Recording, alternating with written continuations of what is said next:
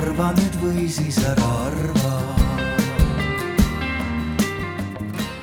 no nii ja tere tulemast siia Arvamusfestivalile Paidesse kuulama järjekordset arutelu laupäeva pärastlõunal kell neli me sellega alustame ja me räägime täna ööelust, sellest, mis toimub linnaruumis õhtul kella kuuest kuni hommikul kella kuueni ja me räägime sellest eelkõige Tallinna kontekstis, aga me toome kindlasti näiteid ka laiemast maailmast, kust me tahaks oma armsale Tallinnale, aga miks mitte ka teistele Eesti linnadele eeskuju võtta. minu nimi on Mariann Võsumets ja mul on väga suur hea meel, et nii suur suurt paneeli Arvamusfestivalil ma veel ei olegi juhatanud, aga mida rohkem, seda uhkem ja tegevat linnavõimu on meil siin olemas, politseivõim on esindatud ähm,. siis äh, nii-öelda ohje ülevõttev sooviv linna, soov, üle võtta sooviv linnavõim on esindatud, aga ka siis inimesed, kes reaalselt ööelus tegutsevad ja seda suurepärast äh, kultuuriskeenet toimimas hoiavad.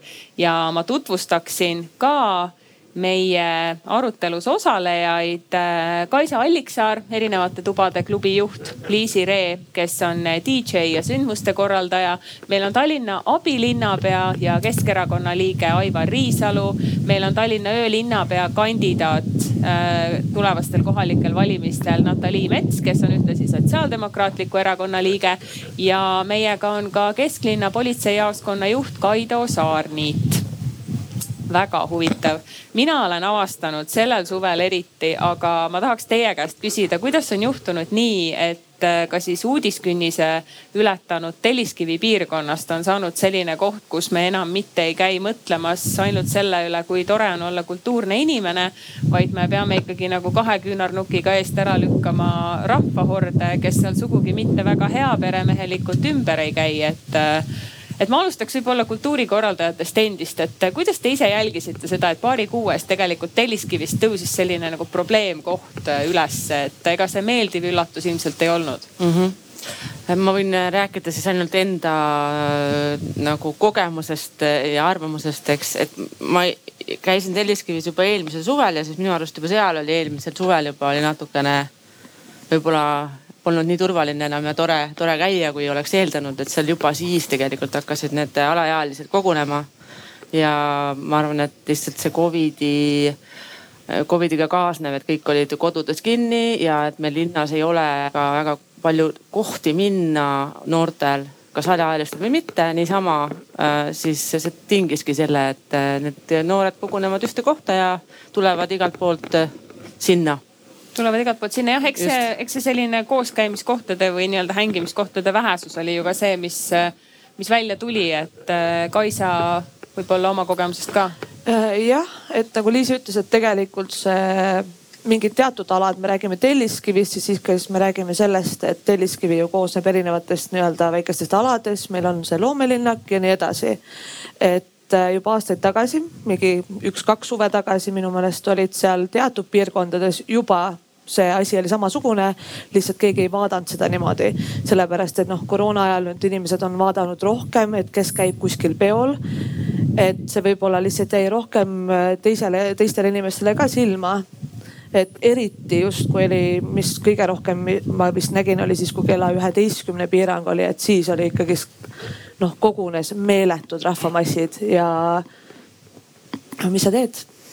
No Kaido, mis, mis siis teeme, mis siis politsei tegi, et milline teie, milline teie kogemus on, et me võime isegi laiendada, me ei pea ainult Telliskiviga piirduma, aga, aga, aga milline see kogemus on ja kas oleks mingisugust, kas te tunnete, et oleks kusagilt poolt mingisugust kas regulatsiooniga kaasaaitamist või mingisugust uute võimaluste loomist, mis teeks politsei töö linnas öösel lihtsamaks?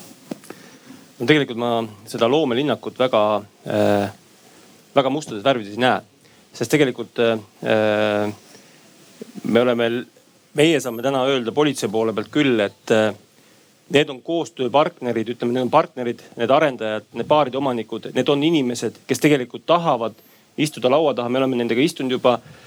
Viimased muutused olid Sveta baari ette said äh, aiad, turvamehed enam ei voorunud seal alaealised sisse äh, oma jookidega nii edasi, edasi äh, loomelinnaku alal pandi üks väiksem, äh, arendaja pani ühe väiksema pinnaga ruut, a la ruutmeeter oli tal nagu sisepinda ja väljas, põhimõtteliselt ta müüs nagu alkoholi välja.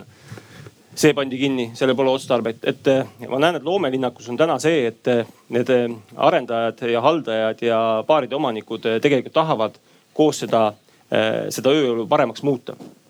sest tegelikult me oleme istunud nendega nüüd juulis istusime ühise laua taga ja need, mis ma tõin näiteks, need on nüüd praegused arengud olnud.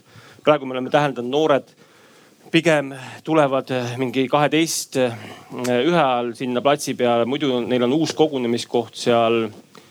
Burger King on lähedal seal. et sinna nad kogunevad, isegi kesklinna noored, kes varem olid meil seal Musumäe ümbruses ja nii edasi. et nemad on leidnud seal nüüd ja mis mulle meeldib, et ütleme, kui me räägime loomelinnakust, et depooala ja loomelinnaku ala, siis loomelinnaku alal mina saan öelda küll, et need turvamehed äh, teevad seda, mida nad peavad tegema, ehk siis vaatama baaridest välja, seal on, seal on jah, igal pool võib kaklusi asju tulla, aga seal on nüüd, on ikkagi see turvameeskonna kohalolek ja see on tajutav ja, ja see, see ütleme, see tahe ja kord on seal mingil määral nagu hakkab tekkima, et seal lihtsalt see on äh, väga tore koht, see kontseptsioon on minu arust väga äge seal, et kui, aga kui me laseme selle ära lagastada, laseme seal tänavatel juua, laseme seal vabalt kakelda, paar äh,, turvamehed vaatavad ainult baari sisse, peavad seal korda. seal minnakse tülli, visatakse välja, seal kakeldakse edasi. et niisuguseid praktikaid on hästi palju, et kui me räägime vanalinnast, siis selliste probleemidega niinimetatud Bermuda kolmnurgas me puutusime kokku, kus siis, eh, kus siis eh, baarid omanikud hakkasid liigutama siis, kui linn oli nendega kohtusse läinud. siis hakkasid tekkima mingisugused seal äh, piiratud alad ette seal äh, Suur-Karja tänaval ja nii edasi, aga kohtus nad saavutasid mingisuguse võidu või siis pärast, kui nad kaotasid, tegid seal, tegid seal nii-öelda siis uued juriidilised kehad kellele need piirangud nagu ei mõjunud, siis see tegelikult näitab, et nende eesmärk on ainult kasumit saada, mitte mitte teha seda asja nagu turvalisuseks kohaliku elaniku jaoks, kohaliku linnakülastaja jaoks no,. et loomelinnaku ma nagu, ma mi, ütlen, et seal ma näen nagu, et me, me suudame seal koos koos kohaliku omavalitsuse, koos arendajate, koos baaridega eh, suudame, eh, suudame seda asja paremaks muuta. ma just mõtlengi, et see heakorra aspekt on tegelikult see, mida koostöös eh, linnavõimu võiks ju sinna ka kampa võtta. ja linnavõim alles ju paar päeva tagasi käis mõõtmas müra seal, kuna äh, minu arust oli see Põhja-Tallinna linnaosavalitsus ja isegi meie ei teadnud, et nad lähevad sinna, aga sealt on tulnud kaebusi, kaebusi elanikelt äh, on tulnud ja nad käisid ka müra mõõtmas seal. Et äh, ma kindlasti esmaspäeval viin kurssi, mis need tulemused, asjad olid ja saame nagu edasi arutada neid asju, aga linnavõim on täitsa, täitsa tegus. Ma küsingi poliitikute käest nüüd üldse, enne kui ma teile mingisuguse oma mõtte ette viskan, millele ma vastust ootan, siis kuidasmoodi teie sõnastaksite selle probleemi ja kas meil üldse on probleem või toimib see Tallinna ööelu nii nagu iga linna ööelu toimibki, et ega me keegi ei kujuta ette, et meil mingisugune ideaalne olukord kunagi hakkab valitsema kus, kus sada protsenti elanikest on õnnelikud ja probleeme üldse ei ole. aga kuidas te sõnastaksite selle, mis lahendamist äh, vajab? alustab see, kes soovib alustada meie kahest poliitikust. Mina ei julge midagi. mikrofon välja äh, seni kuni Aivari mikrofoni probleem, mis ei olnud varasemalt äh, kokku lepitud äh,, äh, laheneb, siis äh, väga äh, positiivne on see, et politsei ja linnaosavanem ja ettevõtjad on kokku saanud ja Äh, soovivad ühiselt äh, seda tekkinud äh, käest ära läinud olukorda lahendada.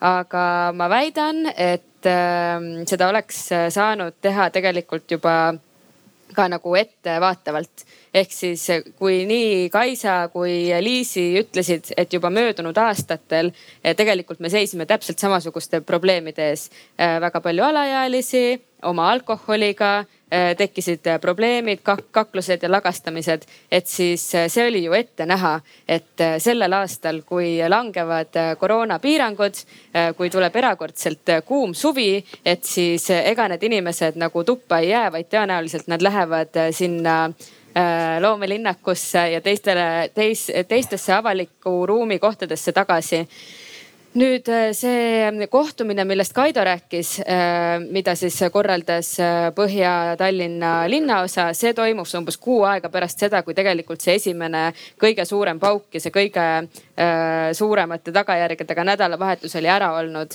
et see on natukene liiga hilja, et see, mis oleks võinud justkui juhtuda oleks olnud see, et, et see kohtumine oleks toimunud äh, noh, halvimal juhul eelmine sügis, paremal juhul tegelikult juba aastaid tagasi.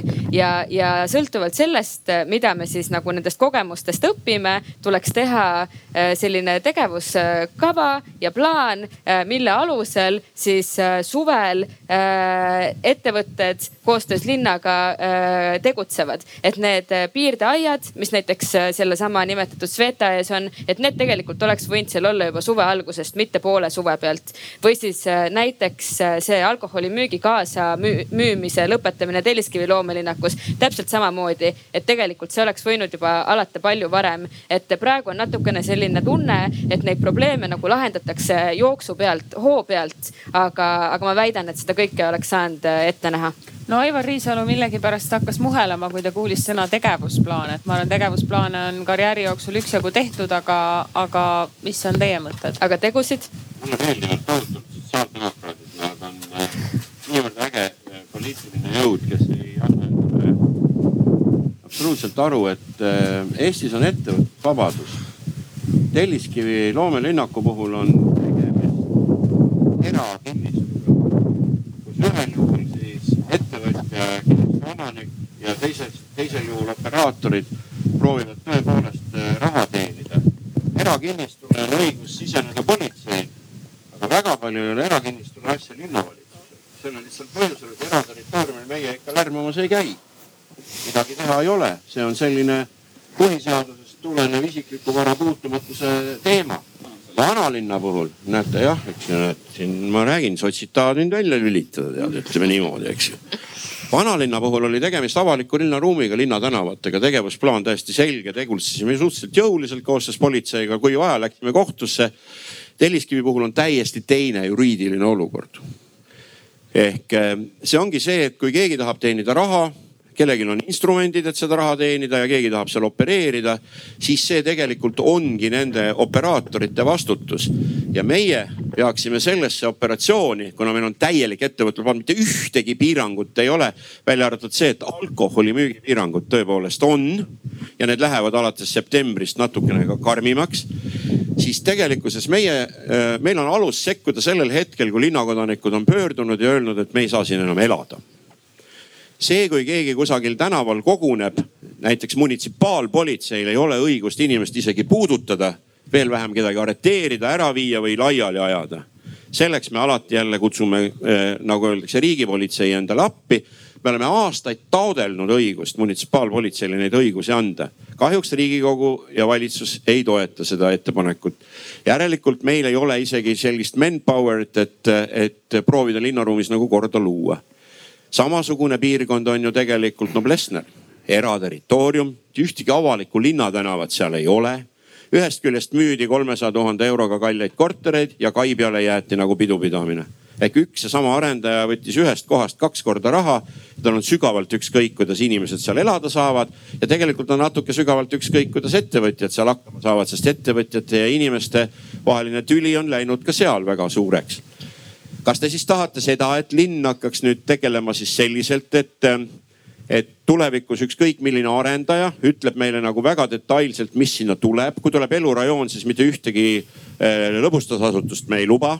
ütleme, et siia ei saagi, tuleb ainult korterid ja, ja, ja, ja see ei ole ju ka lahendus. ehk selle tõttu ma väidan, et tegelikult äh, nagu ka lugupeetud politseijuht ütles ehk täna ettevõtjad ja kinnistuomanikud koostöös on hakanud otsima lõpuks lahendusi.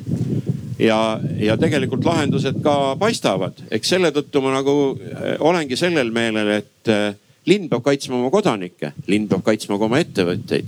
ja me oleme aastaid otsinud kompromisse selle kahe sektori vahel. aga, aga see, et meil on mingisuguseid repressiivseid äh, võimalusi, seda me ei taha ja seda ka ei ole ja sorry, Tallinna linnavalitsus ei pea jooksma erakinnistul piirdeaedadega selge probleem. ei, absoluutselt ma usun, ei, ma usun, ei pea. sotsiaaldemokraatidele see erinev juriidiline olukord üllatusena ei tule ja sellest tulenevalt ma küsingi, et kuidasmoodi teie välja pakutud öölinnapea peaks olema seal vahel see keha, kes seal suudab tuua mingisugust lahendust ja selgust, mida praegune linnavõim ei suuda tuua, tulenevalt just sellest, et ei, tegemist... ei saa, oleme täpsed, ei ole, ei ole õiglane öelda, ei suuda, ei saa. ei saa sellest tulenevalt, et juriidiline olukord ei võimalda.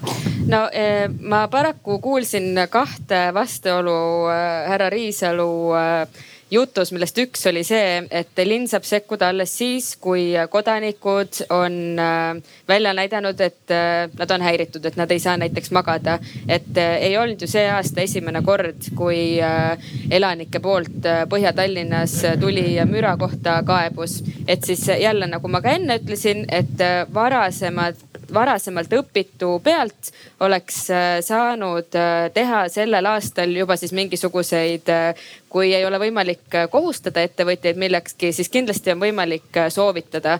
siis äh, teine küsimus on see, et ometigi äh, linnavalitsus ju kutsus kokku ümarlaua et ei saa väita, et linn ei saa sekkuda, sellepärast et nad on seda teinud. nüüd, mille jaoks on linnavalitsuses tarvis sellist positsiooni, mida me võime nimetada öölinnapeaks, aga me võime seda nimetada ka ükskõik mis teise nimega, kuidas me soovime see on selle jaoks, et linnas peab olema keegi, kellel on reaalselt tahe ja mõistmine tuua need, nagu Riisalu nimetas, erinevad sektorid ehk siis elanikud ja ettevõtjad omavahel kokku äh, ja seda diskussiooni pidevalt äh, arendada püüda olukorda lahendada. Ja, ja seda ei ole võimalik teha sellel hetkel, kui probleem on tekkinud, vaid see peab olema järjepidev, aastaringne, järjest nagu protsessis arenev tegevus. Üks selliseid algatusi, mis püüab edaspidi asju ennetada, toimus sellel neljapäeval, kui sotsid tegelikult ju kutsusidki kokku Riigikogus vähemalt nii-öelda majanduskomisjoni tasandil kultuurikorraldajad ja meelelahutusettevõtjad, kes, kes seotud on ja kes on üks, üks mängija selles võrrandis. ja ma tean, et Kaisa seal ka osales, aga, aga noh, kaasa mõelda võivad ju kõik, eks ole. et, et mis siis on need ettepanekud näiteks, mida teha ühest küljest kas valitsusele, teisest küljest linnavõimule kus te tunneksite, et see vastutus ei langeks ainult teile või et see rahaline vastutus ei langeks ainult teile ja teie olete ju need, kes kõige lähemalt näevad seda, mis seal toimub ja, ja ka kulusid ja tulusid kokku arvutavad, et.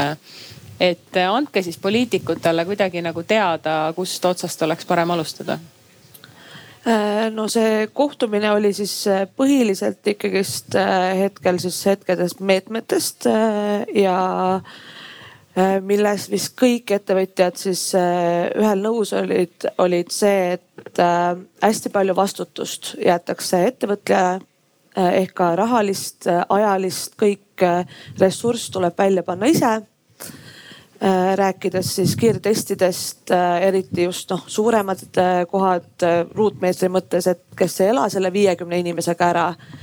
et väga paljud leidsid, et näiteks linn või siis riik võiksid toetada kasvõi teatud piirkondades, kus on rohkem külastajaid, näiteks nagu loomelinnak, Noblessner, testimispunktid. Et see oli üks osa, kus kõik tundsid, et nad võiksid edasi jätkata oma tegevusega, oma kontsertidega, näitustega, teatrietendustega, ilma et karta seda, et sa jäädki miinusesse ja sa oledki seal augus. et see oli põhiline ja siis oligi lihtsalt see, et vastutus langeb ettevõtjale, aga mitte külastajale näiteks see kontroll, sa kontrollid inimesi, sa palud neil maski ette panna, aga külastaja seda ei tee. trahvi saab ettevõtja. et jah, põhiliselt oligi see, et keegi peab jagama seda vastutust, mitte ainult ettevõtja, kes niigi raskel ajal üritab seda kultuurielu jätkata nii, nagu see oli varasemalt. no Liisi, kuidas sina tunned, kas on see vastutus jäetud kõik teie peale või kuhu üldse, kuhu üldse, mis oleks see nagu selline abi või, või ma ei tea, vastutuse jagamine, mida te näiteks ootaks mm? -hmm. ja on muidugi väga keeruline teema, sellepärast et see on kindlasti väga ära. individuaalne. see on individuaalne ja see on sellepärast ju ka, et, et me oleme ju oma selle Covidi pandeemiaga ikkagi jõudnud sinna, sinna ajajärku, kus me ei ole varem olnud. ja seda on väga raske ette nagu arvata, mis tuleb, eks, et me üritame nagu neid nagu kahjusid enne, ennetada siis, aga on selge, et siis nagu see kultuuri ja meelelahutussektor või kes iganes, kuidas nimetab, on saanud nagu väga suure äh, sellise löögi et äh, nii nagu noh, need tegijad on saanud mitte ainult finantsiliselt, äh, vaid ka vaimselt, et see on väga keeruline tegelikult, väga paljud. no näiteks meil ei ole nagu baarides töötajaid noh rääkimata kokkadest, eks ole, et kes on kõik oma teise eriala võtnud, nad ei julge tagasi tulla, sest et puudub kindlus, kas mul on siis võib-olla kahe kuu pärast tööd, et see on ka nagu päris suur väljakutse, samas nagu igasuguste, ma ei tea, kohtade ülalpidamiseks ja kontsertide korraldamiseks siis võib-olla noh, see ei puutu nagu linna, aga ma saan aru, et hästi väga paljud korraldajad, eriti kontsertide korraldajad on nagu võib-olla pettunud selles, et, et see valitsuse teade, need piirangud tulid niimoodi nädalase etteteatamisega. et oleks võinud näiteks öelda juba juuli alguses või juuni lõpus, et nüüd esimesest augustist alates, et me nõuame nüüd koroonapassi ettenäitamist, et siis oleks olnud nii publik kui korraldajad ette valmistada ennast paremini ja oleks juba neid kitsaskohti ka võib-olla paremini juba nagu ette teada, et mis siis tulevad, et noh, senimaani on nagu selgusetu, et. et need kiirtestid, et kui usaldada, usaldusväärsed nad on, et missuguseid kiirteste võib kasutada, missugused, missugused nagu müü, igal pool müüakse väga palju neid erinevates kohtades, eks ole, ja kuidas see käib, et noh, et, et see on nagu, see on nagu väga segane, aga see noh, et see on nagu selline üldine teema. ja kindlasti kiirtestide kasutamist võiks jah rohkem nagu siis äh, propageerida, kui sellist sõna kasutada. ja võib-olla tõesti, et linn ja riik võiks tulla siin appi ettevõtjatele, et toetada ma ei tea, kus, kuidas see meede võiks välja näha, aga noh, et ütleme, kui praegu see kiirtest maksab, ütleme keskmiselt kuus eurot, siis inimesele, kes soovib minna kas kontserdile või peole või restorani, see kuus eurot kindlasti nagu on päris suur väljaminek, ühekordne, eks ole et äh, seda noh, et eriti veel, et kui teha tavaline test, mis on nelikümmend kaheksa tundi äh, kehtiv, see on ju veel kallim. et mm, -hmm. et lihtsalt nagu, et noh, et, et ilmselgelt see ettevõtlussektor saab väga suure põntsu sellest, et lihtsalt inim, see ongi inimesed... selles mõttes kompleksne teema praegu selle mm -hmm. arutelu seisukohast ka, et ühest küljest me räägime pandeemiaga toimetulemisest, sellest võib-olla väljatulemisest, aga teisest küljest me räägime ööelust, mis on pandeemiast sõltumata toimub, on seal rohkem või vähem inimesi, aga see, kuidas ta toimub, kas seal peaks olema mingisugune strateegia, kes on selle järelevalvaja, et siin on nagu sümbioos nendest kahest teamast, et. no just jah, me praegu oleme, olemegi sellisel ajal, ajal lihtsalt siin, et siin ei ole nagu tavapärast olukorda, et on keeruline no, selles mõttes ma küsiksin äh, ikkagi Aivar Riisalu käest ka uuesti, et kas on, äh, kas ööelu kui selline on miski, mis on eraldi tähelepanu all või on ta nagu võrdsel pulgal ja üritab linn tegeleda kõigega korraga või on meil mingisugune selline ööelu plaan ikkagi, on see regulaarselt laual või on see laual siis, kui keegi tõstab hädakisa või tuleb mingi probleem?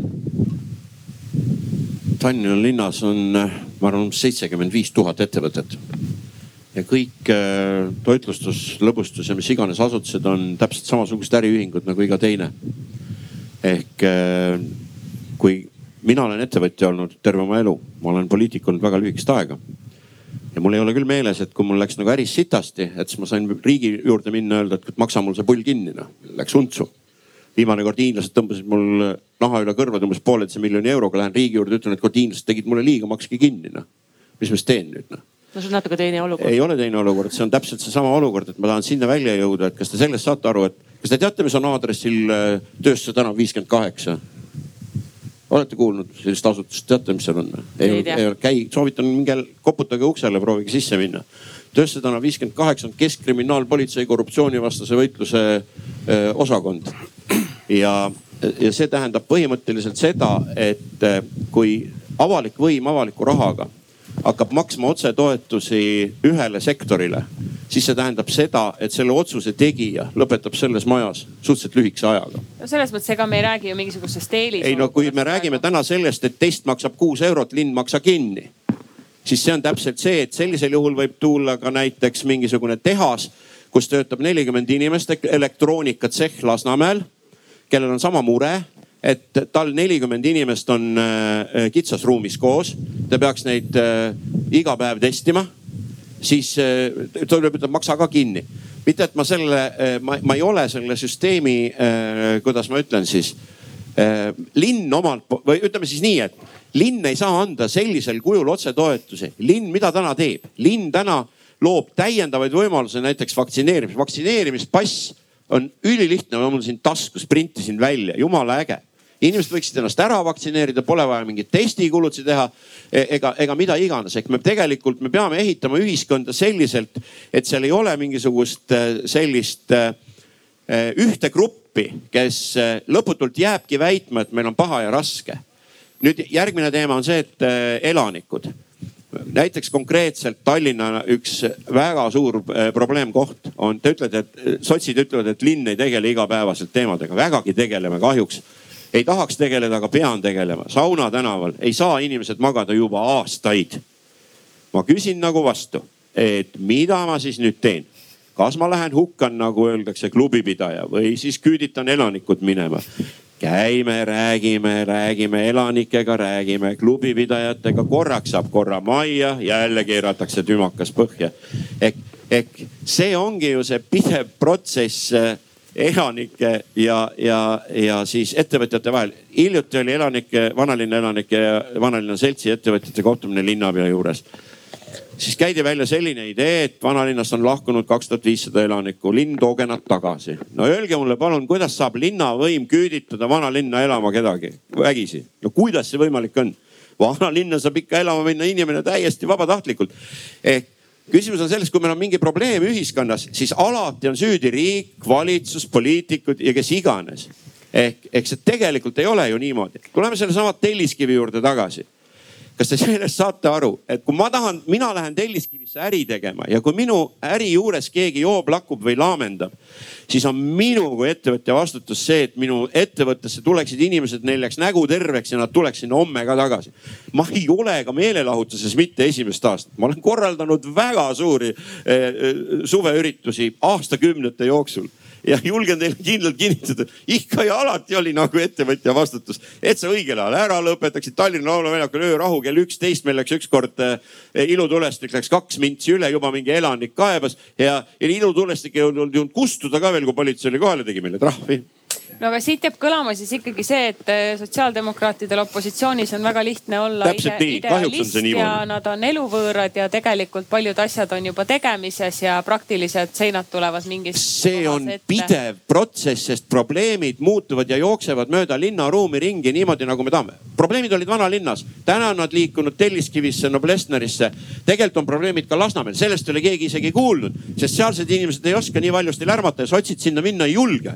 no ma annan võimaluse võimaluse kõigepealt vastata sotsidele, sest väga palju äh, asju nimetati, toodi siin välja ja siis ma tahaks kuulda ka ettevõtjate käest, et äh, tulete te siis ise toime ja kas see oli nüüd äh, uudne uudis teie jaoks, et äh, ise tuleb vastutada selle eest? ma siis äh, ja äh, alustaks, et äh, siin härra abilinnapea tõi välja, kuidas probleemid jooksevad mööda linna ringi, aga et taaskord, kui äh, te olete silmitsi seisnud mingisuguse olukorraga näiteks ühes asumis, milleks oli vanalinn, siis tegelikult on ju samamoodi ettenähtav, et, et sarnane situatsioon võib edaspidi juhtuda näiteks Põhja-Tallinnas. Ja jälle, kui me näeme asju ette, siis meil on võimalik planeerida. keelame meile... ettevõtluse Põhja-Tallinnas on... meelelahutuse, keelame lihtsalt ära, sellepärast et sellega me välistame, aga ma ei viitsi kuulata rumalat juttu isegi muuseas äh, arvamusfestivalil tuleks olla konstruktiivne. laseme inimesel lõpuni rääkida. ma arvan ka, et teeme niimoodi, et üks inimene räägib korraga ja, ja äkki suudame need tund. osalema selles poliitilises debatis, kus üks erakond teeb oma partei propaganda. reaalse eluga. ei no las ta praegu vastab sellele, mis siin lihtsalt kõlas, et te saite päris pikalt rääkida, et kuulame nüüd ära teise poole. inimesed selja taga, aga mitte mingi partei propaganda. Natalii, palun jah äh, mis, mis puudutab seda, et kas linn peab tulema kogu aeg appi või, või äh, kas äh, ettevõtja peab võtma vastutust või kas riik on süüdi, et siis äh, noh, keskkonda saab küll linn nagu suunata ja parendada ja edendada, et seesama kohtumine, mis meil oli ettevõtjatega möödunud nädalal Berliini näide näiteks on see, et, et linn on pannud linna peale erinevatesse lokatsioonidesse testimispunktid ja, ja see on nende vastutulek ettevõtetele, et on siis võimalik inimestel minna neid äh, kiirteste sinna tegema ja, ja need sertifikaadid kehtivad siis üle linna äh, kohtades, kus on vaja neid äh, näidata. et suhteliselt lihtne, väga tõhus meede, samal ajal kui näiteks meie kultuuriminister on otseselt välja öelnud, et selles osas riik mitte kuidagi ei plaanigi kultuurikorraldajatele või kultuurivaldkonnale vastu tulla siis ühiskonnas on grupp inimesi, kellel ei ole tervislikel põhjustel võimalik äh, vaktsiine teha. Äh, siis see nagu diskrimineerimine siin toimub nüüd nii, et, et isegi kui nad sooviksid, nad jäävad lihtsalt äh, kultuurist ja valdkonnast eemale seetõttu, et neil ei ole tervislikult võimalik seda teha ja finantsiliselt see on lihtsalt väga koormav tõenäoliselt su suuremale osale inimestest iganädalaselt neid, neid teste teha. aga tulles selle juurde tagasi, millega ma alustasin, et ikkagi noh kõik nagu algab koostööst ja, ja igas mõttes on võimalik keskkonda paremaks äh, muuta. et samamoodi, kui me räägime sellest, et, et millised äh, suuremad äh, probleemid on näiteks Telliskivis ja nii edasi, on ju.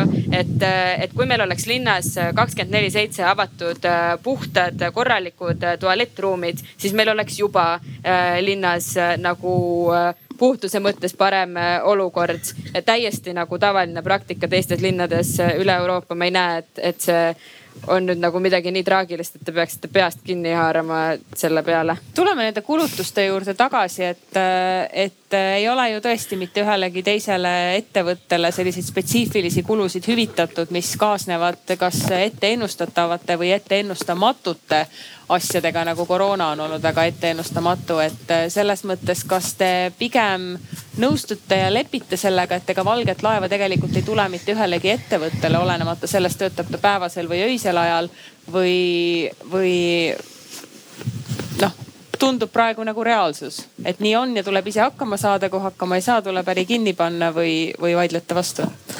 ma tahaks nüüd täpsustada, et ma ennem nagu ei küsinud, et Äh, nüüd äh, linn peab hakkama maksma neid teste. ma adresseerisin ka seda, et hetkene piirang, mis ei ole siis linna tasandil tulnud, on äh, viiskümmend inimest ilma testimata, mis tähendab seda, et väiksemad kohad, kohvikud, restoranid, väiksed kultuuriklubid saavad sellega hakkama. Nemad saavad kõik avasüli vastu võtta suuremad kohad seda ei saa, sellepärast et olenemata, kas sulle mahub sinna viisteist või viissada inimest, võtad sa viiskümmend vastu mis ei ole proportsionaalselt äh, kuidagi loogiline. nii et võib-olla see oli pigem see mõte ja kui seda piir ei saa, siis tõesti nagu Natal ütles, teistes linnades on see niimoodi lahendatud, see on lahendatav. keegi ei küsigi, et äh, palun aidake ainult meid, see on ju kõikidele inimestele vaktsiinipassi näidata on tore, mul on ka olemas. aga fakt on see, et kõikidel inimestel seda ei ole ja nemad tahavad ka elust osa saada et ja me ei saa kunagi, ka mina olen jah, lähme kõik teeme, aga me ei saa sundida teisi inimesi seda tegema. ja selle arvelt kannatavad siis ettevõtted ikkagist kuna see grupp inimesi jääb ikkagist suhteliselt suureks arvuks arvatavasti. jätame korraks, ma annan kohe Natalile sõna, sest käsi oli püsti, aga jätame korraks nüüd selle pandeemia võib-olla kõrvale, et see on selge, et see on ootamatu olukord ja riik püüab omalt poolt teha palju, mis, mis puudutab toetuste maksmist ettevõtetele ja linn püüab omalt poolt panna üles rohkem vaktsineerimispunkte.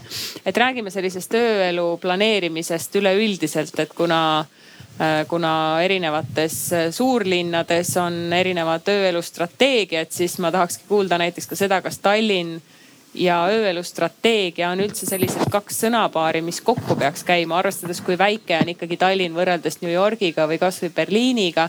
et mida meil seal öösel siis nüüd planeerida ikka nii väga vaja on, mida me päevasel ajal teha ei saa või mida olemasolev linnastruktuur teha ei saa, et, et, et mis see ettepanek oleks ja juhul, kui ka politsei poolelt on vahepeal tekkinud mingisuguseid mõtteid, näiteks, et teie olete ju need, kes praktikas seda öist olukorda näevad, et kuidas teile see arutelu praegu see läks nagu Covidi teema peale läks ära, aga eh, tulles tagasi selle öörahu teema peale, siis tegelikult oponeerin siin Natalile välja toodud, et me peaksime probleemi ette nägema ja tegelema tegelikult, aga kui me, kui me võtame selle äh, nii-öelda selle vanalinna, vanalinna baarid, siis tegelikult nende baaridega on kohalik omavalitsus, politsei, vanalinna selts on siis partner olnud meil kohaliku elanikkonna ajal. oleme tegelenud äh, ja maas istunud nendega no julgen öelda seitse aastat väga aktiivselt. ja millega see lõppes? lõppeski sellega, et äh, ega tegelikult linn ju kogu aeg proovis tulla kokkuleppele, proovis tulla, me tegime omad ettepanekud, tõime välja statistika, proovis tulla kokkuleppele ettevõtjatega, et tehke nii, et elanikud saavad magada, tehke isolatsioonid, tehke eh, sinna näiteks Suurvere tänavale, piirake kuidagi ala seal baaride ees eh,. et eh, inimene, kes tuleb öösel koju, ta saab koju minna, et ta ei pea seal purjus inimeste vahelt minema läbi. las turvafirma vaatab tänavale välja.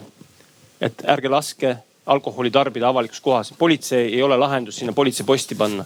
et eh, proovime ise neid lahendusi leida ja millega see päädis, oligi eh, see, et eh, nüüd esimesest oktoobrist vist hakkavad piirangud pihta, alkoholi müügipiirang. et. septembrist. septembrist juba jah, et ja see oligi tulem tegelikult, et seal, seal ei, ei tulnud normaalset dialoogi. dialoog oli ainult siis, kui oli kohtuistungid oli ka mingisuguseid muutusi, aga nii kui need ära kadusid, eh, need muutused, mis baarid ja ette võtsid, kadusid ka ära. politsei omalt poolt, me ei olnud ainult seal nüüd ütleme, ei ole tänaseni see, kes vaatab statistikat ja, ja viibutab näppu ja käib seal neid eh, purjus inimesi ära viimas, et ka loomelinnaku puhul me alustasime juba eelmine aasta alustasime ja selle aasta kevadel alustasime juba küll jah, Skype'is alustasime baaride personali koolitusega, sest tegelikult see Äh, teeninduskultuur meil on äh, selline, et me müüme silmnähtavalt joobes isikule, kes võib-olla seda õlut või seda koksi lõpuni ei jõuagi juua. ta on silmnähtavalt purjus ja tegelikult meil ka alkoholiseadus ütleb, et me ei tohi müüa silmnähtavas, äh, nähtavalt joobes isikule, aga seda tehakse. et läbi nende koolituste, läbi selliste pehmete lähenemiste on proovinud ka politsei oma panuse anda sinna, et muuta seda, ütleme seda ööelu kultuuri natukene. Aga, aga sellepärast mul ongi ka täna on, äh, miks ma alguses ka ütlesin, et äh, see loomelinnak on äh, see koht, kus ma näen, et, näen, et nii arendaja kui ka ettevõtjad on nõus ja tahavad muuta paremaks seda olukorda mm. -hmm. see ongi, ma arvan, et üks koht, kuhu me võiksime selle arutelu lõpupoole välja jõuda, ongi see, et, et kuidas see vastutus ikkagi peaks jagunema, et ühest küljest on, olles ise ka aastaid meedias töötanud, on väga lihtne alati kuulda ja öelda seda, et linn ja riik peavad asju tegema, linn ja riik absoluutselt peavad asju tegema, aga on teatud piir, kuhu maani saab poliitika midagi teha ja on teatud piir, kus algab ettevõtte ja isegi kliendi vastutus. ma annan kohe sõna äh, Nataliile, kellel oli käsi püsti, aga meil on publikust ka üks mõte tekkinud Äh, Kaspar, minu nimi. Äh, aitäh, et sõna andsid. Äh, ühesõnaga ma ütleks niimoodi esmalt, et ma saan väga hästi aru tegelikult sellest ähm, meie abilinnapea Aivar Riisalu pointist selles kontekstis, et kui meil on kujunenud välja piirkond vanalinnas, kus on, inimesed saavad pidutseda, seal on ettevõtjad, kellel on pubid, klubid ja nii edasi. siis ei ole keeruline või ei ole lihtne neid kinni panna. kuidas sa lähed ettevõtja juurde ja sa ütled talle, et kuule, et, et sa oled teinud hästi palju investeeringuid läbi aastate ja nüüd, aga kuule, et, et nüüd sa pane kell üksteist näiteks oma koht kinni onju. no sa ei saa minna niimoodi ettevõtja juurde. aga täpselt samamoodi sul on hästi keeruline minna, eks ole, linnaelaniku juurde öelda, et kuule, et, et jah, et, sa oled omale äh, ostnud nüüd siia hästi toreda korteri vanalinna näiteks kuuesaja viiekümne tuhande euro eest ajaloolisse kohta ja siis, et kuule, et, et aga, aga kuule, arvesta nüüd sellega, et täiesti okei okay on see, et, et sul on nüüd nagu neljapäeva õhtu ja siis kell on kakskümmend, kolmkümmend ja nagu tümakas käib täiega, et, et noh, tegelikult on hästi keeruline mõlemale poolele põhjendada seda olukorda. ja see vist tegelikult on selle konflikti see punane joon, see, kust jookseb see konflikti kese. et äh, kuna ma ise lihtsalt õppisin äh, ise oma magistrikraadi, ma omandasin Hollandis äh, sellises linnas nagu Rotterdam ja siis sai käid, käidud seal kõige popimas klubis Rotterdamis. mina oli sihuke äh, pidutsemiskoht, mis oli siis äh,, me läksime, jõudsime lõpuks kohale, siis ma esialgu ei uskunud seda, kas see tõesti on see koht, kuhu me jõudsime, et see on kõige ägedam koht. toodi meid sihukesesse kohta, et oli nagu suur, kõrge klaashoone all oli siis pidutsemiskoht ja ma sain aru, et ahah, okei okay,, et siin ongi nüüd niimoodi, et nagu päevasel ajal on kontorid üleval ja öisel ajal on siis see pidutsemiskoht. siis tulenevalt sellest ma nüüd küsiks nagu härra abilinnapealt ja siis meie äh, siis öölinnapea kandidaadilt Natalit seda, et mida arvata sellisest mõttest, et miks mitte Tallinna linnas joonistada maha näiteks Tornimäe ümber punane joon, et äh, niimoodi, et seal võib kuueni hommikul pidutseda siis äh, kuus kuni seitse linnavõim tellib sinna fantastilise koristuse, eks ole, okseloigud kõik on ära koristatud ja siis, kui juunioranalüütikud kell seitse null üks hakkavad juba jõudma sinna SEB peakontorisse, äh, siis äh, okseloigud kõik on koristatud, nad saavad oma puhta kingaga astuda ilusti asfaldi peale, keegi ei näe, et ühtegi okseloiku seal oleks ja kõik probleemid oleks lahendatud. ja selles mõttes, et noh, need samad vanalinna pubi omanikud turg ju kujuneb ümber, kui nad näevad seda, et see seltskond läheb Tornimäele, siis üks hetk lihtsalt neid pubisid enam ei ole seal vanalinnas. et ühesõnaga lihtsalt viskan teile ühe intrigeeriva mõtte, palun arvake sellest midagi. aitäh. aitäh, see on äh, väga äge mõte. ehk tegelikult ma enne ütlesingi, et meelelahutus taolisel kombel mööda linna ringi liigubki. ega vanalinnas praegu väga palju enam probleeme pole, ainult Sauna tänaval on veel jäänud. ehk ta ongi liikunud ära aga ma taaskord juhin teie tähelepanu ühele hästi olulisele nüansile. Et mina olen lugenud Eesti Vabariigi põhiseadust ja minu teada Tornimäe maja või ükskõik millise maja me näiteks täna toome, kui see ei ole Tallinna linna oma ja ta on mingi erasektori oma, siis meie ei saa minna ja öelda talle sinna punast joont ümber tõmmata Eh, vaid eh, kui ta tuleb ja ütleb meile, et tõmmake mulle siia ümber punane joon, ma tahan siin büroomajas hakata öösel korraldama reivipidusid. ja ma olen kindlalt kinnitada, et kui keegi tuleb, me mitte kellelegi ei ütle ei. Sellepärast, et ma julgen küll oma teeneks lugeda seda, et ettevõtlus ja ettevõtlusvabadus on püha ja puutumatu asi ja Tallinna linnas selle piiramine ei ole viisil või teisel mõistlik ja ei olegi vaja, sellepärast et eh, see on ettevõtlusega tegelemine on ka üks peaaegu et põhiõigusi. Ja, ja kui selline ettepanek tuleb, siis nii ju lähebki. ja tegelikult eh, nii on läinudki, sellepärast et kui me vaatame sedasama Telliskivi arengut, algselt oli seal midagi ühetaolist aga seal on täna kaks omanikku, tegelikult isegi kolm omanikku, keda ma tunnen kõiki isiklikult väga hästi. suhtlen nendega igapäevaselt erandina sinu arvamusest muuseas. ja, ja julgengi öelda, et nemad on kapitalistid.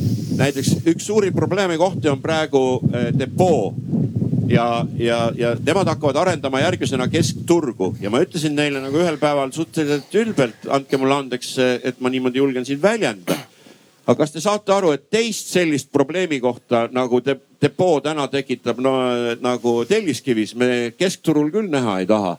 et me vist selle detailiga läheb meil vist viisteist aastat ja ütleme nii, et sinna tulevad ainult raamatukogud, paar vanadekodu ja neli supikööki, et ei mingit meelelahutust. Inimesed läksid koju ja ma loodan, et nad mõtlevad ja nad tulevad konstruktiivse jutuga, et, et see on ka rendileandja vastutus. ma taaskord rõhutan sotsiaaldemokraadid, eravaldus on püha ja puutumatu. ja, ja ma selle debati lõpus tahaks, et sotsid räägiksid mulle, kuidas eravalduses võiks linn teha plaani, milline seal peaks elu välja nägema ja kuidas eravaldus peaks arenema edasi eh, kui eraomanik seda näiteks sellisel moel ei näe. ma tahaks seda teada, kuidas see teil on võimalik pärast kui, kui te hukkate kõik kapitalistid nagu kommunistid vanasti tegid, siis vist on võimalik, aga varem mitte. Ma mõtlen, kas me selle teemaploki praegu järeldusena võiksime kokku leppida selles, et on mingisugused probleemid ja needsamad kirjeldatud punased jooned, mis jäävadki selle hetkeni, kuni linnas elavad erinevad inimesed, kellel on erinevad huvid ja nad tahavad erineval ajal teha erinevaid asju, siis see on äh, lõpuni lahendamatu ja see on okei. okay ei, see e, e, ei ole okei okay., me peame taotlema absoluutselt ideaali, aga see ongi pidev protsess. ehk tegelikult ma ütlen ühe, rahulolematuid on kogu aeg, ettevõtjad on rahulolematud, inimesed on rahul, me otsimegi tõde ja me otsime kompromisse ja tegelikult nagu ka politsei kinnitas, me ühes kohas saavutame kompromissi, teeme asju ringi, läheme paremaks, järgmine probleem tekib järgmises kohas, lahendame jälle ära. ja kui Preili või proua Mets proovib väita, et ma ei Preili. tee tööd ehk, ehk ma ei tee tööd, siis ta valetab muuseas, siis ta valetab naturaalselt. ettevõtjad saavad minu juurde mõnetunnise etteteatamisega, kui nad julgevad mulle helistada ma olen seda korduvalt öelnud kõikide ettevõtjatega kohtumisel ja väga paljud, eelkõige ka meelelahutuse ja vanalinna teemalised ettevõtjad mäletavad väga selgesti, kuidas me tegime siin Covidi ajal aastavahetusel jõule, tõime Eesti inimesi linna, eh, vanalinna ja igale poole ja kuidas tegelikult ettevõtjatega dialoog on täna väga äge. ja ma arvan, et enamus ettevõtteid ka ei taha öösiti nagu tegutseda. ja väga hea, telefoninumbreid ja visiitkaarte jagame pärast. ma annan võimaluse nüüd Nataliile vastata või ennast kaitsta ja siis me võiks liikuda selle arutelu järgmise ploki juurde, mis keskenduks üldsegi sellele, et kuidas olemasolev Tallinna ööelu veel ägedamaks muuta võimalikult vähede kahjudega. ja teeme seda, sa enne küsisid äh, mitmeid Riisalu monolooge tagasi, et kas äh, Tallinna linnal peab üldse olema äh, sarnaselt äh, paljudele suurlinnadele ööelu äh, strateegia. Et äh, ei tasu unustada, et, et see ööelu strateegia, mis äh, Tallinna sotsiaaldemokraadid on ette valmistanud, tegelikult ei keskendu üldse ainult äh, kultuurile ja meelelahutusele et äh, seal on väga äh, olulisel kohal üleüldine heakord, äh, laste turvalisus ähm, mida siis katab näiteks lastekaitsepunkt, mis hetkel ei ole Tallinnas kakskümmend neli seitse kättesaadav. linnaruumi te temaatika, mis katab või mis siis nagu öösel sisaldab aspekte, mida see võib-olla nagu päevasel ajal ei, ei sisalda ja, ja veel mõned teemad, mida ma praegu ei nimeta, sest et, et on varem meedias esinemas käidud, käies nähtud, kuidas mõni inimene lihtsalt ei suuda neid teemasid nagu viisakaks jäädes arutada. aga mis puudutab. testima hakkama, et oleks ikka kvaliteetne äh,. meditsiinitöötaja peab olema kohal. aga mis puudutab äh, seda publikust tulnud Rotterdami küsimust siis, siis tegelikult linnad nagu Rotterdam või näiteks ka Amsterdam on ju väga edukalt suutnud linnas eristada neid piirkondi, kus äh, ettevõtetele on mingid asjad rohkem lubatud äh, kui, kui mõnes teises piirkonnas, mis ongi iseenesest täiesti äh, nagu mõistlik lähenemine. et kui meil on elamurajoonid nagu näiteks meil on Lasnamäe või Mustamäe või Õismäe, siis otse loomulikult, kui, kui nende kortermajade all on näiteks baarid, et need ei pea olema avatud nii kaua kui näiteks on avatud mõned kohad, mis on siis elamupiirkondadest eemal, mis, mis ei sega oma tegevusega publikut. Ja, ja ka see heliisolatsiooni teema käis siin läbi nii, nii siin praegu paneelis kui vist publikust tuli see ka et, et ka neid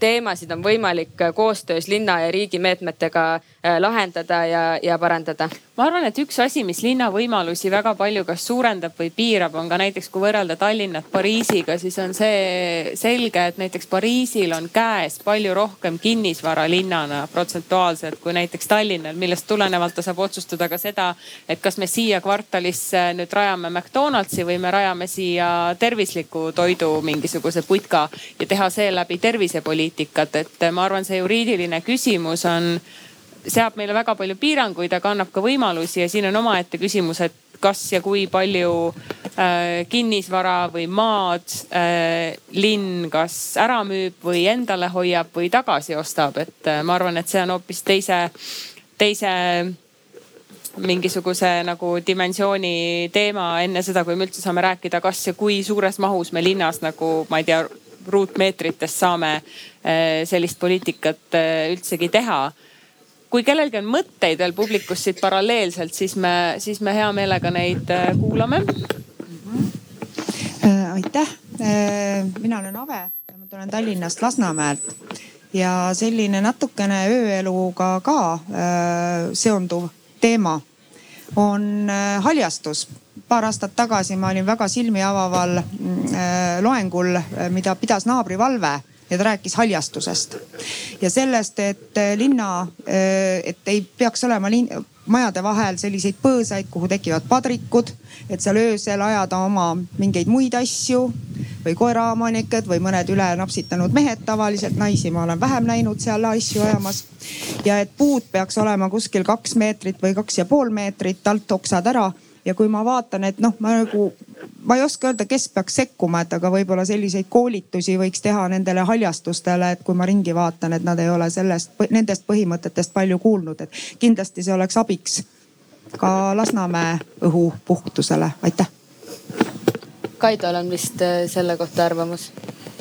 no ega, ega mm, kui meil siin kaks aastat tagasi hakkasid noorte, noortekambad kogunema Tallinnas ja olid siin suured peksmised ja asjad, et siis me, siis me koos linnavalitsusega vaatasime väga kriitiliselt sellele haljastusele otsa, et äh, ma tean, et ka, ka minu teada ka Lasnamäel ikkagi midagi seal, mingi suund seal on, et aga, aga kesklinnas me vaatasime ja kus oli vaja mingisuguseid, ütleme siis selliseid, selliseid põõsaid siis natukene seda anonüümsust ära võtta, et sinna alaliselt koguneda ei saaks, võib-olla mingid pingid ümber tõsta, nii edasi, et tegelikult sellele tähelepanu pööratakse, et siin ka ütleme, see ei ole küll haljastus, aga näiteks äh, ostukeskused on lähenenud selliselt, et äh, need noorte hängimised ja et pigem vähem pinke ostukeskuses, siis need noored ka seal ei hängi nii palju. et äh, ja politsei vaatab ka näiteks kui linnas tuleb see mingisugune uus detailplaneering, siis tuleb meile, tuleb meile see ülevaatamiseks ja meie vaatame sinna otsa juba läbi Septedi, Septed programmi, et kus võiks olla valgustus, kus, kus võiks olla kaamerad asuda, nii edasi, edasi. et ja liiklusohutust, et tegelikult politsei sinna peale ka vaatab räägime natukene visioonidest, ma tean, et ma ei ole päris kindel, ma tahan enne üle täpsustada, et kui Aivar Riisalu on nimetanud ennast tegelikult juba olemasolevaks istuvaks Tallinna öölinnapeaks, ma ei ole aru saanud, kas see, kas see on olnud huumoriga või see on olnud ilma huumorita. ei ole öölinnapea, olen lihtsalt abilinnapea. aga, aga, aga mõte, mõte on selles, et kui me, tänase paneeli teema on ööelu, räägime täna ööelust ja linnapea või, või mitte öölinnapea aga mis on need visioonid, kui me räägime Tallinna ööelust ja kui me soovime seda ka arendada, vingemaks teha, et seeläbi edendada turismi, et ettevõtjatel ja inimestel ka öösel midagi linnas teha oleks. mina olen Tallinna linna elanik olnud suurema osa oma elust kõikidel hetkedel, kui ma Eestis olen elanud, olen ma elanud Tallinnas ja mina ütlen küll ausalt, et äh, Tallinnas on öösel igav ja vahepeal ei saa ka kell üheksa isegi kusagile õhtust minna sööma. rääkimata sellest, et ma hommikuni kusagil kangesti väljas tahaks olla, mida ma enamasti ei taha. aga ma ei tea, kas see tuleneb linna väiksusest või tuleneb see sellest, et me väga selle otsaga lihtsalt nagu ei tegele. et äh, ma tahaks kuulda, võtame järjest, et me väldiks natukene sellist äh, domineerimist ja ebaühtlust. et eh, mis on see mõte, mis, mis igaühel võiks olla mingi selline akuutne, reaalne kohe asi, mida me saaks kohe teha. et meie ööelu oleks eh, mitmekülgsem, huvitavam ja ligitõmbavam. et eh, alustame siitpoolt äkki aitäh väga keeruline küsimus jälle, aga ma tahaks öelda ühte asja võib-olla, et, et mis selle ööeluga on, et natuke, see on natuke nagu võib-olla toimunud ka mingisugune stigmatiseerimine seoses selle Covidiga kindlasti ka et tegelikult nagu linn areneb, nagu maailm muutub, et see on täiesti normaalne osa, et inimesed käivad väljas öösel ja pidutsevad. et see ei tähenda seda, et nad on mingisugused, ma ei tea, pooled hobised või narkomaanid või mis iganes, aga lihtsalt inimestele meeldib koos olla, käia muusikat nautimas ja nii edasi, et selles mõttes nagu, et võib-olla seda ka natukene mõelda, et tõesti, et, et see on täiesti normaalne elu osa. et lihtsalt, kas inimesed jäävad viisakaks sinna kuhu maani, eks ole, minna, et see on nagu teine, teine teema hoopiski. et võib-olla lihtsalt seda nagu võiks vahel endale meelde tuletada, et äh, et see, see jääb ka nagu palju piiranguid minu arust, et, et nagu et see ei olekski no,, et see on nagu mingisugune noh, mingisugune imelik asi. et, et ikkagi inimesed käivad väljas ja, ja, ja need probleemid ka, mis on tekkinud seal Telliskivis kasvõi on ikkagi ju natuke sellepärast ka, et noortel ei ole kuskil käia, neil ei ole kuskil minna, nad koonduvad sinna mingi põhjusega. et äh, noh, ma ei tea, kes sellele, kes, kas nende vanemad siis või kes selle eest peaks nagu vastutama. aga kui see probleem on, siis võiks ju või, võib-olla mõelda, et kuidas tulevikus seda protsessi nagu juhtida, äh, et nii ei toimu, toimiks see et ähm, mis puutub äh, müraprobleemidesse ja kõigesse sellesse, eks, et ja ma arvan, et et nii kui meil on kõrval keegi teine inimene, siis ta juba oma olekuga hakkab äh, natuke häirima meie enda elu. et äh, võib-olla äh, ma ei tea, ma loomulikult juriidiliselt ei tunne nii hästi. aga et mulle tundub, et näiteks ka ehitajatel või siis arendajatel nagu puudub kohati vastutus. et kui on teada, et näiteks kasvõi kultuuri, kultuurikatla kõrval, eks ole, ehitati uus maja ja need, need aknad ei ole helipidavad, et ma tean nii neid inimesi, kes seal elavad, kui kes kultuurikatlas korraldavad asju. ja seal on palju probleeme tekkinud, aga samas noh, et seda võib-olla probleemi poleks pidanud nagu üldse tekkimagi, eks. et, et kas, et noh, et juba meil on tegelikult ju, ju tehniline võimekus ka olemas, et selliseid asju nagu äh, vältida mm. -hmm et jah, ma, ma arvangi, et see visioon võiks olla mingisugune nagu mina seda kindlasti ei saa, eks ole, niimoodi siin esitleda, sest ma pole seda teinud, aga väga palju saab tuua näiteid mujalt maailmast, vaadata, kuidas Eestis asjad paremini toimivad. ja meil on hästi mitmekülgne muusikaelu selle muusika mõttes on väga-väga, noh, see on väga hea olnud siiamaani Eestis üldse ja Tallinnas. et eh, see on nagu väga tore ja politseiga, ma arvan, on Äh, kõik äh, tegijad äh, ikkagi väga rahul olnud, et politsei on väga palju paremaks läinud. ma räägin sellepärast ka, et ma olen ühte sariüritust korraldanud nüüd juba kakskümmend kaks aastat, et mul on päris pikk kogemus. et, et, et nagu kõik minu perspektiivis on läinud nagu kõik paremaks, aga võib-olla jah, selline mõned asjad nagu annavad tunda ja kindlasti ettevõtjad ja, ja ka ürituste ja kontsertide korraldajad peavad võtma endale vastutuse. kindlasti sellepärast, et nemad vastutavad ka, et missugust äh, sisu nad loovad, missuguseid inimesi nad ootavad, mis äh, sõnumi nad annavad nendele, kes sinna tulevad, et loomulikult see on nagu kõik korraldajate enda teha ka paljuski, aga, aga võib-olla natuke seda tõesti ka ikkagi nagu Äh, mõelda, et see on, et, et, et see ei ole nagu midagi, mis me tahame nagu musta kardina ette tõmmata, et siis need inimesed lähevad pidutsema kuskile, et see on nagu midagi sellist äh, kuskil varjus või midagi imelikku või et noh, et, et, et meil on ikkagi nagu vaba maailm ja kõik on äh, väga tore ja, ja läheb paremaks. arusaadav, no jätkame visiooniga Tallinna ööelule Tallinna linnavalitsus päris kindlasti ei hakka avama baare ja pubisid, et inimestel ei oleks Tallinnas igav. sellel lihtsal põhjusel, et see ei ole meie ülesanne ja ma endiselt juhin tähelepanu sellele, et meil on tohutult äh, suur ettevõtlusvabadus. ehk kui, ähm, äh, kui Tallinnas on igav, siis see tähendab seda, et ettevõtlussektor lihtsalt ei ole leidnud seda võimalust üles, ei taha sellega tegeleda. või on siis järsku probleem tõesti selles, et Tallinn on liiga väike. Äh, tõsi ta on, et me ei tee hea meelega piiranguid tõesti see alkoholimüügi piirang, mis nüüd esimesest septembrist jõustub, oli kolmeaastase protsessi tagajärg, see on tõesti piirang, ebamugav. absoluutselt nõus, ettevõtjad hiljuti kirjutasid meile väga sügava kirja, palusid seda edasi lükata, me seda kahjuks ilmselt teha ei saa. ehk see jõustub. ja ma tahan veel kord juhtida tähelepanu sellele, et äh, kohaliku omavalitsuse ja tegelikult ka Vabariigi Valitsuse, mida vähem te sekkute ettevõtlusesse, seda parem on see ettevõtjatele. meil võiks olla selge, lihtne, mõnus maksusüsteem, selge, lihtne äh, asjaajamine ja siis saaks nagu äri teha väga ägedalt. et selle tõttu ma tahan taaskord juhtida tähelepanu, et kõik need poliitikutest demagoogid, kes proovivad öelda, et nemad nüüd, kui meie võidame, siis me tuleme, teeme visioonid, värgid, särgid, möllud, mitte ükski visioon ei hakka tööle, kui ta on äh, elust, äh, no kuidas ma ütlen, eraldi või, või, või ta on eluvõõras või tegelikult nagu siis reaalne elu seda ei toeta. mina kahjuks praktikuna pean elama reaalses maailmas ja, ja tõepoolest praegu on ettevõtlusvaldkondades keeruline. olen ise meelelahutusettevõtja servast, vaatamata sellele, et käin avalikus sektoris tööl, ütlen ausalt otsa, et ilgelt tahaks raha teenida, ei tule praegu raha kuskilt sisse, nii kehva on olla. aga pole helistanud Kaja Kallasele, kes on ajalooliselt isegi meie bändi backstage'is istunud, et ta meile mõne mängu telliks riigi poolt. ikka kui on, ei ole mängu, siis ei ole, noh ei saa midagi ei ole teha no., aga meie ei taha kedagi piirata kõik ettevõtjad on teretulnud, keegi tahab kuhugi klubi teha, kõrtsu teha. kui on meil vaba pinda, anname selle ka ära, vanalinnas neid varsti tekib muuseas ja ei taha ühelegi arendajale öelda, et vot teie siia nüüd panete ainult korterid, sellepärast et kurat järsku tulevikus tuleb ikka öösel hakkab keegi karjuma. kui arendaja ütleb, et tahan siia teha, see on elu osa, see on äri osa meie kuulame, selgitame talle, et niisugused, niisugused nõudmised, kõik siuksed asjad, aga ei ütle, et ei tohi. võib teha ja eks siis tulebki pärast hakata klaarima nagu töö sees elu, eluprotsessi käigus, kui see kõik valmis on.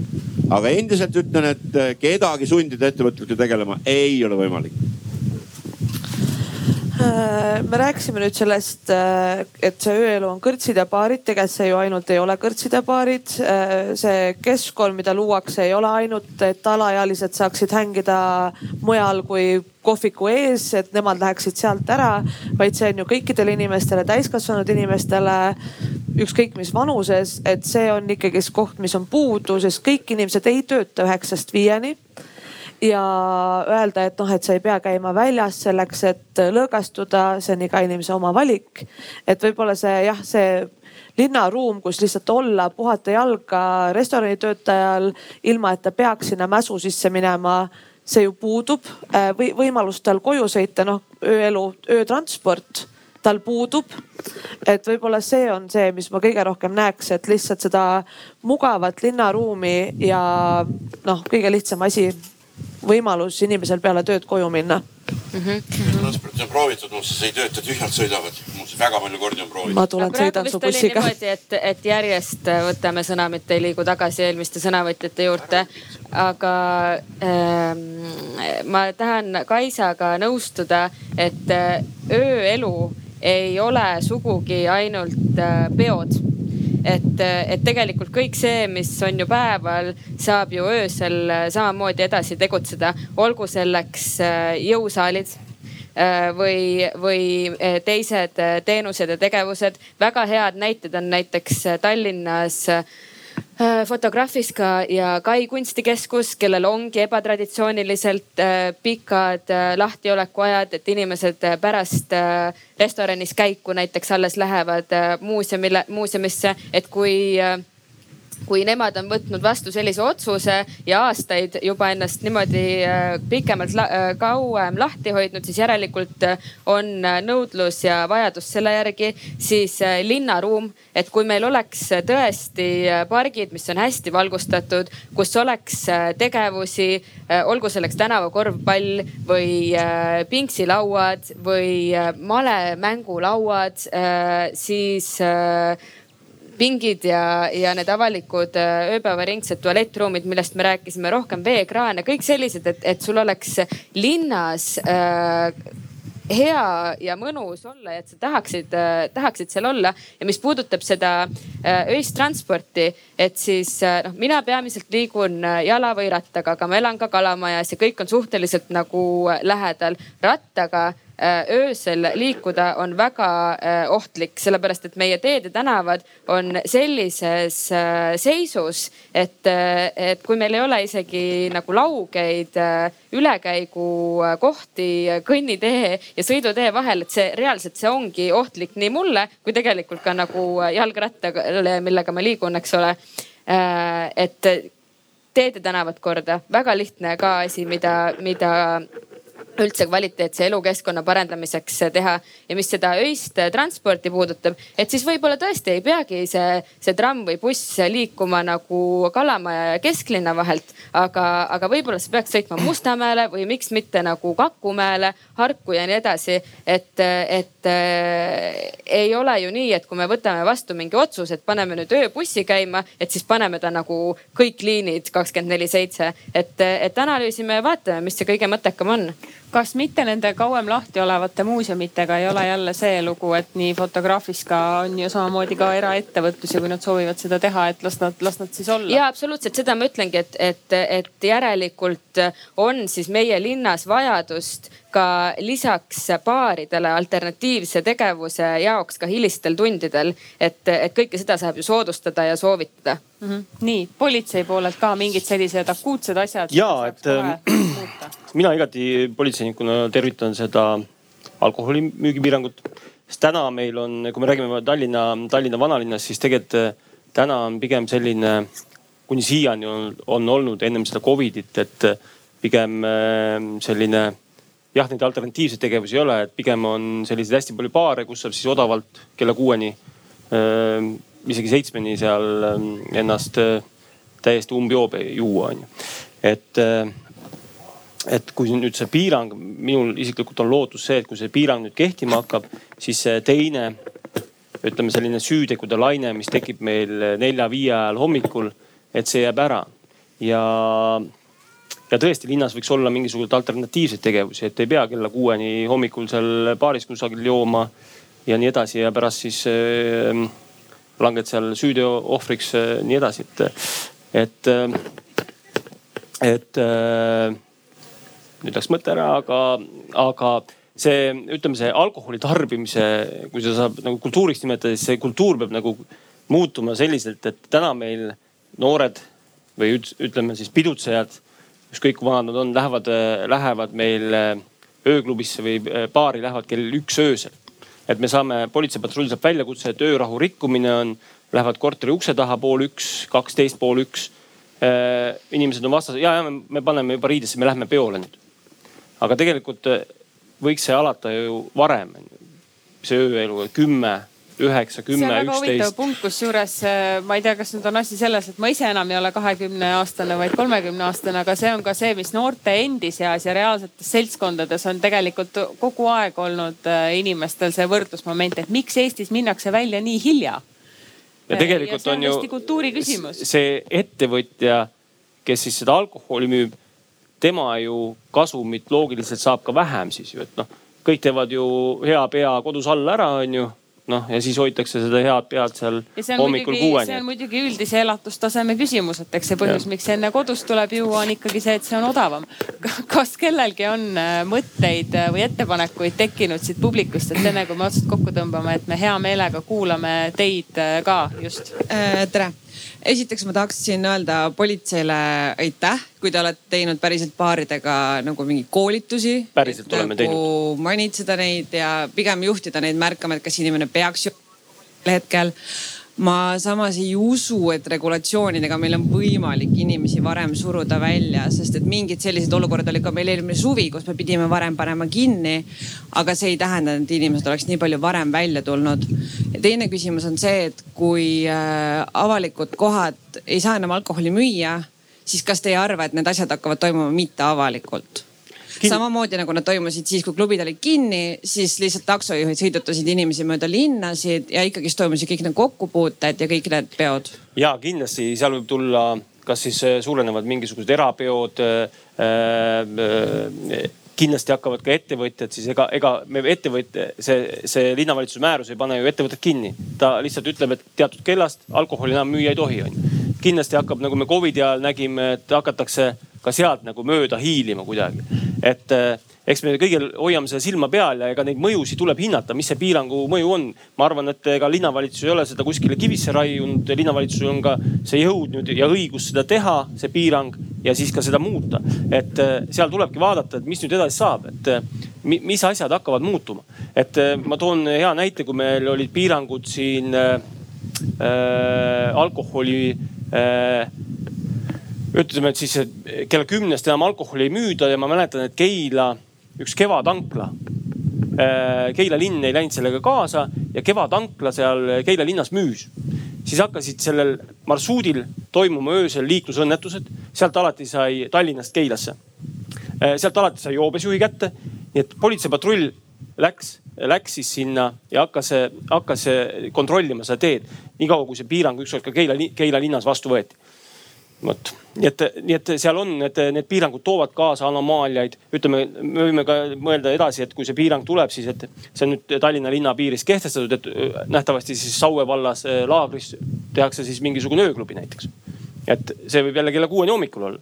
aga isegi kui need lahendused tulevad, siis need tulevad hajutatult. täna on ju probleem, mis meil on äh, kontsentratsioon vanalinnas nendel baaridel, pubidel tohutult suur, sinna koguneb eh, palju rahvast, seal on kaklused, elanikud ei saa magada. ma sealsamas sauna, eh, Sauna tänava kahes korteris käisin öösel kolme ajal külas. Eh, noh, selles mõttes inimesed kutsusid mind, mind ja linnaosa vanemad, tulge vaadake reede öösel, kas me saame siin, kas me, kas te, kas te, kas te noh, me, kas me saame siin normaalselt olla, seal, seal ei ole võimatu, seal ei ole võimalik nagu, nagu äh,.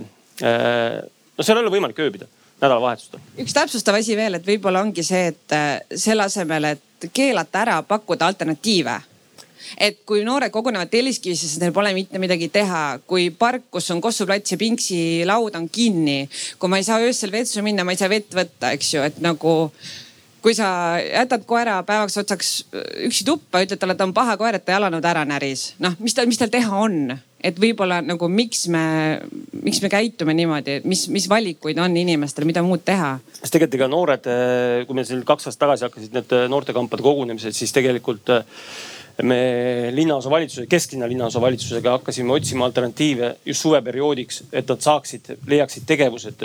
see suvi minu teada toodi noortekeskus, toodi tänavale, nad teevad oma, teevad oma tegevusi. aga seal noortekampades tuleb aru saada ka seda, et seal on erineva sotsiaalse taustaga. et hästi kõvasti on õigustanud ennast äh, äh, need mono, kuidas need, need, kes tegelevad noortega seal linnavalitsuses ükskord see pikk nimi on mul. jah, mobiilsed noorsootöötajad jah, mul ei tulnud see nimi meelde. jah, et nemad on väga-väga hästi toonud välja selle olukorra noorte seas, et tegelikult kui me ühest kambast, kümneliikmelisest kambast suudame õigele teele suunata ühe või kaks noort, siis me oleme väga suure võidu teinud. et jah, neil öösiti või siis õhtuti võiks ja peaks neil olema mingisuguseid tegevusi. täna neid push itakse igalt poolt välja. kaubanduskeskused võtavad pinki ära, et nad ei saaks koguneda sealt nii edasi, nii edasi, neil ei ole tegelikult pinda, kus olla. aga samas on ka nende, nende vanemad äh, suhteliselt äh, suhteliselt nagu ükskõik nendest lastest, sest et me esimene aasta, kui me siin need noortega probleemid olid, siis me kaardistasime, siis kesklinna lapsi kesklinnas oli võib-olla kümme, viisteist protsenti. ülejäänud tuli alates Narvast, Lasnamägi, Maardu, Mustamägi, Kristiine, Paldiski, Keila, nii edasi, edasi, edasi. ja me kaardistasime need lapsed ära ja Lasnamäel tegime siis proovi, et, et neljakümne kaheksa lapse, lapsevanemad olid kutsutud Lasnamäe politseijaoskonda, et noh, räägime siis, millega laps, laps tegeleb, onju. Eh, kohale tuli kaks. nii et noh, seal eh, palju asju hakkab ka kodust ja, ja, ja lõpuks on nii, et meie tegeleme tagajärgedega seal tänava peal et ta hängib üldse, et tegelikult on seal hästi täiesti normaalseid lapsi, nad tulevad trennist, aga nad ei lähe koju, nad ei lähe õppima. Nad on sportlikud, nad ei suitseta, ei joo, aga nad tulevad ikka hängima, see on see kambavaim ja nii edasi. Neid lapsi saab veel suunata ja nendega tegeleda. aga on ka selliseid, kes, kes siis jah, siuksed ütleme siukseid pahesi seal siis suitsetavad, joovad ja nii edasi. väga huvitav jah, et eks see on tegelikult erinevate ühiskondlike nagu põhjuste kombinatsioon, miks need põhjused sinna tänavale lõpuks jõuavad, aga meil oli üks äh, küsimus või mõte veel siin. tegelikult oli juba samad küsimused, mis sa, samad küsimused, mis sa ise juba ära küsisid, et äh, noh mõnes mõttes mulle tundub, et see, see on nagu natuke vastuoluline mõte, et kui me ühelt poolt on ju tahame äh, teha neid väga väärt koolitusi oma baari äh, töötajatele, et mitte müüa alkoholi liiga purjus inimesele, on ju. et kas see siis ei ole ju, tegelikult juba mõistlikum lahendus kui varase alkoholimüügi piirangud mis siis viiksid inimesed kort, äh, korteritesse, kus noh, selline nagu meede puudub, on ju. kus äh, ei ole seda baaritöötajat, kes jätaks müümata lihtsalt selle alkoholi. et mulle tundubki, et tegelikult sellise koostöövormi mõttes äh, see ööelu saakski ju sellise iseregulatsioonina toimima hakata ja, aga see peab meie ühiskonda minema enesestmõistetavaks, sellepärast et täna see ei ole, et see on meil ainult kirjas äh, seadusandja poolt alkoholiseaduses, et me ei müü silmnähtavalt alkoholi tarbinud isikule äh, tervise Arengu Instituut tegi kolm aastat tagasi näitajate abiga, tegi äh, uuringu. ma ei mäleta, valimisi oli vist kakskümmend või kolmkümmend paari oli seal vanalinnas siis näitajad mängisid siis kas joobes inimest kas siis valiti näitleja, kes siis nägi välja nagu alaealine ja nendest kahekümnest, kolmekümnest paarist üks paar äh, vanalinnas täitis kõik nagu eesmärgid, ta ei müünud silmnähtavalt joobes isikule, ta küsis dokumenti. aga, ja seal oli ka päevade lõikes nagu välja toodud, ega ühte paari pommitati seal ka kesisel päeval näiteks teisipäev, kui noh, rahvast ei ole, baarman saab süveneda ja ka reede õhtul, kui on terve kari ümber. aga see peab minema nagu meie teeninduskultuur peab nagu muutuma. me peame sealt nagu saama selle, et jah, et purjus inimesele antaksegi vesi onju. Et ei küsita selle vee eest kolm eurot onju. et see vesi ongi, võta, ma ei müü sulle, aga siin on vesi. või kutsume sulle takso või eh, midagi sellist, aga meie, meie täna täna seda, täna me ei ole jõudnud sinna, jah, me koolitame neid, aga selle koolitusega on ka probleem see, mis mina näen, et klienditeenindajad, enamik on ju üliõpilased, see ei ole nagu elukutse, kes nagu noh, ütleme vähesed võtavad selle nagu äh, mitmekümneks aastaks, et seal vaheldub hästi palju see, eriti see Covid on mõjutanud, et hästi palju on vaheldunud see seltskond ja seda koolitust tuleb intensiivselt teha tegelikult. politsei teeb seda, seda koolitust nagu me toome kohtulahendeid, igasuguseid asju, toome neid praktikaid, asju, räägime teenindamisest, räägime taskuvaraste märkamisest, asjadest. me teeme seda lootes, et meil on pärast vähem tööd. et see purjus inimene ei ole kuskilt tühjaks varastatud, ta ei ole kellelegi peksa andnud, ta ei ole ise peksa saanud. ja see on see, seda on raske mõõta, aga noh, seda tuleb jätkata nõus, lihtsalt ma mõtlengi, et kui see meede on olemas, siis see üks paar, kes neid nõudeid täidab, on juba tegelikult ju noh, positiivne algus on ju. et kui me ühiselt kokku lepime, et, et see on see kultuur, kultuuriline muutus, mida me tahame sisse viia, on ju, et noh, siis ongi ju lihtne seda äh, koostööd edasi hakata tegema ma ja lisaks omalt poolt ka, et, et siin on nagu hästi mitu tasandit praegu, kui me hakkame sellest nagu baari ettevõtluse tasandist, siis tegelikult näiteks kuna me oleme hästi palju rääkinud Telliskivi või Põhja-Tallinna piirkonnast, siis äh, kõikides äh, Põhja-Tallinna nendes enim käidavates kohtades äh, saab tasuta vett, et need veekannud koos klaasidega on tegelikult lettidel ja tegelikult ei müüda ka enam liiga purjus inimestele ja, ja seda ma olen ise nagu pidevalt jälginud ja vaadanud ja, ja inimestega rääkinud. tegelikult niimoodi on, et, et eks meil on ka väga palju baare ja, ja arusaadav on see, et, et ähm, ka ettevõtjate eesmärgid, miks nad enda kohta peavad, on, on erinevad. Ja jälle tulles tagasi sinna Põhja-Tallinnasse, et siis äh, enamus nendest kohtadest või paljud nendest kohtadest ju näiteks pakuvad ka elava muusika programmi ja, ja et nende jaoks on ka nagu see kultuuri arendamine ja, ja noortele inimestele nagu platvormi andmine oma talendi esitlemiseks äh, oluline. siis äh, me peame rääkima üldiselt sellest, et, et miks Eesti inimene nii palju joob ja kuidas äh,, kuidas nagu seda piirata ja, ja, ja kuidas nagu üldiselt Eesti inimese äh, käitumist äh, terviseteadlikumaks suunata, mille hulka kindlasti kuulub ka see, et, et kas siis öösel peab olema võimalik süüa ainult friikartuleid majoneesiga või on veel äkki midagi, mida on võimalik kuidagi äh, nagu lahendada ja, ja parendada.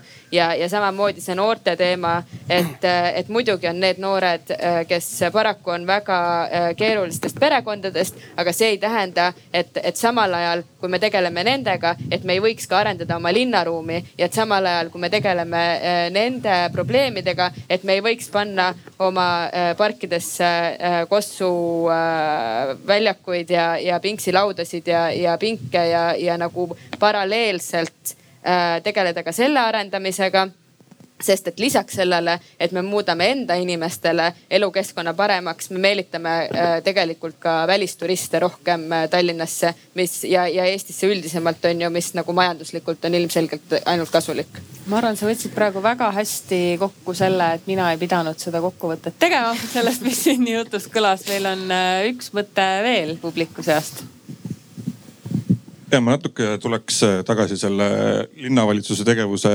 juurde, et äh, kui siin oli jutt sellest, et linnavalitsus äh, astub siis nagu tegevusse siis, kui tuleb kaebus ja ennem arendaja võib seal teha, mis ta tahab.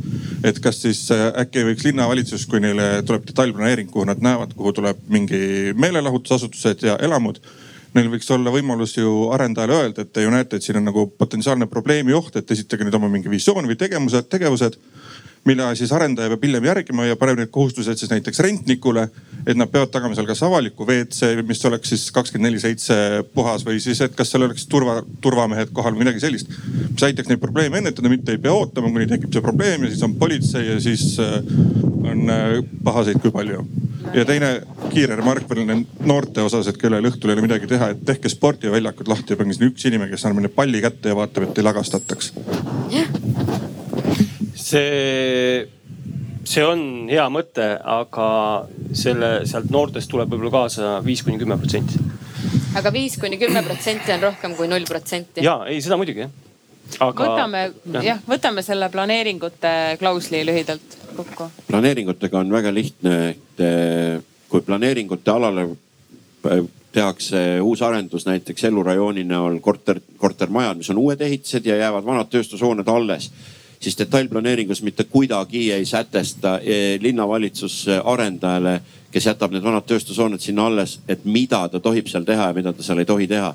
ma veel kord rõhutan, et eh, ärge tahtke seda, et kohalik omavalitsus hakkab reguleerima ettevõtlust, hakkab reguleerima teie isikliku vara territooriumil toimuvaid eh, protsesse, mida te tohite teha ja mida te ei tohi teha. ehk see on ikka tegelikult seesama ettevõtja, varaomaniku ja arendaja vastutus, et ta ise ei programmeeriks sinna seda konflikti sisse. aga ma juhin tähelepanu, et tõepoolest see elu, mis on siin nagu päris elu, see viimasel ajal sunnib meid selle peale, mida te ütlesite, natukene mõtlema küll.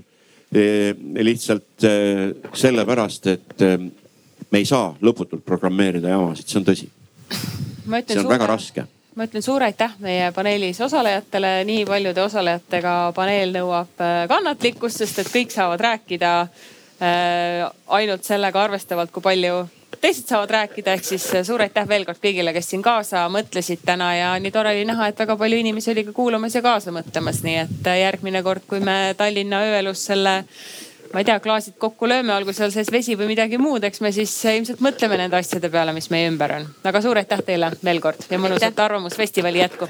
selge see, et ega kõike teha